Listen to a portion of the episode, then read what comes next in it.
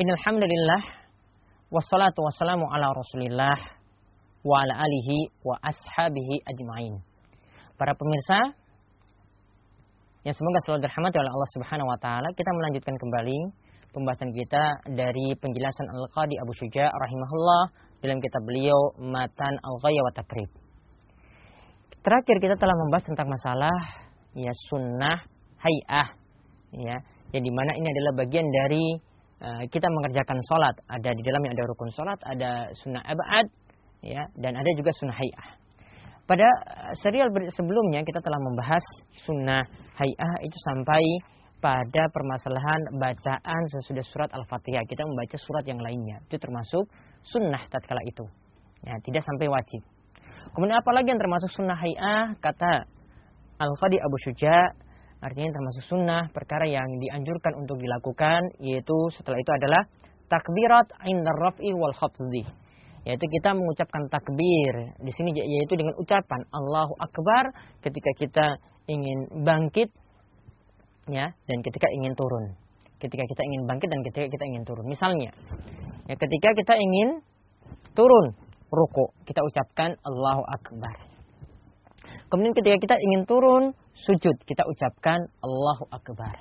Ketika kita bangkit dari sujud ke duduk antara dua sujud kita ucapkan Allahu Akbar. Ketika kita ingin bangkit dari sujud ke rakaat yang berikutnya kita juga ucapkan Allahu Akbar. Ini hukumnya sunnah. Kemudian kata beliau lagi wa qaul sami Allah liman hamida rabbana lakal hamd. Ya. Juga ada ucapan sami Allah liman hamida rabbana lakal hamd yaitu ketika apa? Ya yaitu ketika bangkit dari ruko. Kita mau ke rukun i'tidal, kita ketika bangkit ucapkan sami Allah liman hamidah rabbana lakal hamd. Ya. Sami Allah liman hamidah rabbana lakal hamd ini termasuk sunnah dan lafaz rabbana lakal hamd di sini ada empat lafaz. Ada empat lafaz yang disebutkan oleh para ulama karena dilihat dari beberapa riwayat bisa kita ucapkan rabbana lakal hamdu. Bisa kita ucapkan rabbana walakal hamdu bisa kita ucapkan pakai Allahumma di depannya. Allahumma Rabbana lakal hamdu. Bisa kita ucapkan Allahumma pakai waw di tengahnya Rabbana walakal hamdu. Empat bacaan ini bisa kita baca ketika kita itidal setelah bangkit dari ruku. Nah, sami Allah liman hamidah di sini ya menurut pendapat yang kuat ini dibaca hanya oleh imam dan orang yang sholat sendirian makmum langsung ketika itu membaca Rabbana walakal hamd Ya, tidak membaca sami Allah uliman hamidah. Kemudian yang termasuk sunnah lagi adalah tasbih fir ruku' wa sujud, yaitu membaca tasbih subhanallah ketika ruku' dan ketika sujud. Ketika ruku' kita mengucapkan subhana rabbiyal azim. Ya, ketika sujud kita ucapkan subhana rabbiyal a'la. Ya, bacaan ini hukumnya sunnah. Kemudian uh, berikutnya lagi posisi ketika duduk yaitu saat kita duduk antara dua sujud atau duduk tahiyat maka kata Abu Syuja yang termasuk sunnah lagi adalah wadu yadain alal fakhidain yaitu meletakkan kedua tangan di paha fil julus yaitu ketika duduk. Kemudian saat tahiyat beliau terangkan selanjutnya yafsutul yusra tangan kiri itu dibentangkan dibuka begini tidak digenggam Wayak bidul yumna dan tangan kiri itu digenggam saat itu. Eh maaf, tangan kanan itu digenggam saat itu. Tangan kiri itu dibuka, tangan kanan itu digenggam saat itu. Kemudian ilal musabbiha kecuali jari ya telunjuk. Kecuali dari jari telunjuk kita memberi isyarat saat itu mutasyahidan yaitu bersaksi syahadat ya bersaksi syahadat saat itu. Yang dimaksudkan di sini adalah kalau dalam mazhab Syafi'i ya mengangkat jari saat tahiyat itu dimulai dari bacaan asyhadu alla ilaha illallah. Namun Allah alam karena tekstual hadis itu tidak mengkhususkan seperti ini yang lebih tepat adalah mengangkat jari ini dimulai ketika membaca tahiyat pertama kali yaitu mulai dari at-tahiyatulillah wassalatu wattaibat dan seterusnya. Karena mau menyatakan e, mengangkatnya ketika mengucapkan asyhadu alla ya ini harus butuh dalil. Walau alam ini pendapat yang lebih kuat yang lebih kami pilih. Kemudian saat duduk, bagaimana posisi duduknya? Tadi itu posisi tangannya. Posisi tangan kita taruh seperti ini, duduk antara dua sujud.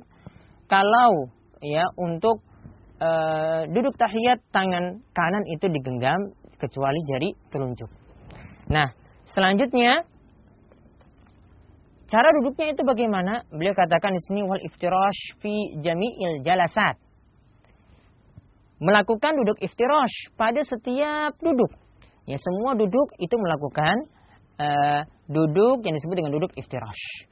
Duduk iftirash itu artinya kaki kanan ditegakkan, kaki kiri diduduki. Kaki kanan ditegakkan, kaki kiri diduduki. Ya. Nah, ini dilakukan pada setiap duduk.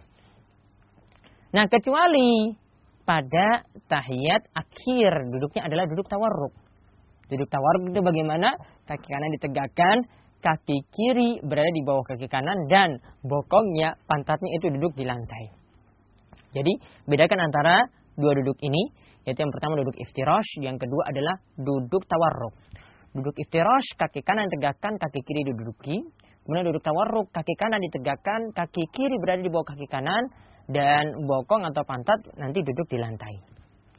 Nah, dalam mazhab syafi'i, kalau tahiyat akhir terserah mau dua rakaat, mau tiga rakaat, ya, ada satu kali tasyahud atau lebih daripada itu, ya, ada satu kali tasyahud atau lebih daripada itu, pokoknya kalau itu tahiyat akhir, duduknya adalah duduk tawarruk. Ya, yaitu kaki kiri dikeluarkan, kaki kanan ditegakkan dan nanti bokongnya duduk di lantai. Ya. Sedangkan kalau di pertengahan duduknya tahiyat awal, maka duduknya adalah duduk iftirash. Nanti kaki kiri duduki, kaki kanan ditegakkan. Kemudian termasuk sunnah lagi yang terakhir yaitu yang ke-15 wa taslimatus saniyah yaitu mengucapkan salam yang kedua. Kemarin sudah kita bahas ketika rukun yang masuk rukun itu adalah salam pertama ke kanan. Kemudian kalau yang di sini dibahas yang termasuk sunnah hayya adalah salam kedua ke kiri. Salam kedua ke kiri ini hukumnya sunnah tidaklah wajib. Seandainya orang itu sholat hanya salam ke kanan saja, ya maka sholatnya itu sah. Begitu pula kalau seorang itu sholat dia salam ke kanan kemudian ketika balik ke kiri itu dia kentut misalnya maka sholatnya dianggap sah. Ya, karena untuk salam kedua di sini hukumnya itu sunnah tidak sampai derajat wajib menurut mazhab syafi'i. Jadi intinya di sini sunnah abad yang kemarin kita bahas itu ada dua macam, yaitu ada tahiyat awal dan kunut. Ya. Kemudian yang kita bahas kali ini itu tentang sunnah hayah, kita bahas sampai poin ke-15. Jadi mudah-mudahan dengan memahami hal ini, nanti kita akan betul sholat kita. Kita memperhatikan rukun yang pertama, kemudian kita memperhatikan sunnah-sunnah juga di situ. Ya, kita harus perhatikan. Ya, sunnah abad ini lebih diperhatikan. Kemudian sunnah hayah ini adalah untuk penyempurna sholat kita. Mudah-mudahan kita semakin mencontoh sholat Nabi SAW karena Nabi SAW itu bersabda ya uh, kerjakanlah sholat ya sebagaimana kalian itu melihat aku itu sholat. Solu itu muni usolli. Sholatlah sebagaimana kalian itu melihat aku itu sholat. Maka contohilah sholat Nabi SAW ya mengikutilah ikutilah ajaran Nabi SAW maka itu akan mencukupkan kita ya dalam kita itu beragama. Demikian para pemirsa, mudah-mudahan bermanfaat. Wabillahi taufik. Wassalamualaikum warahmatullahi wabarakatuh.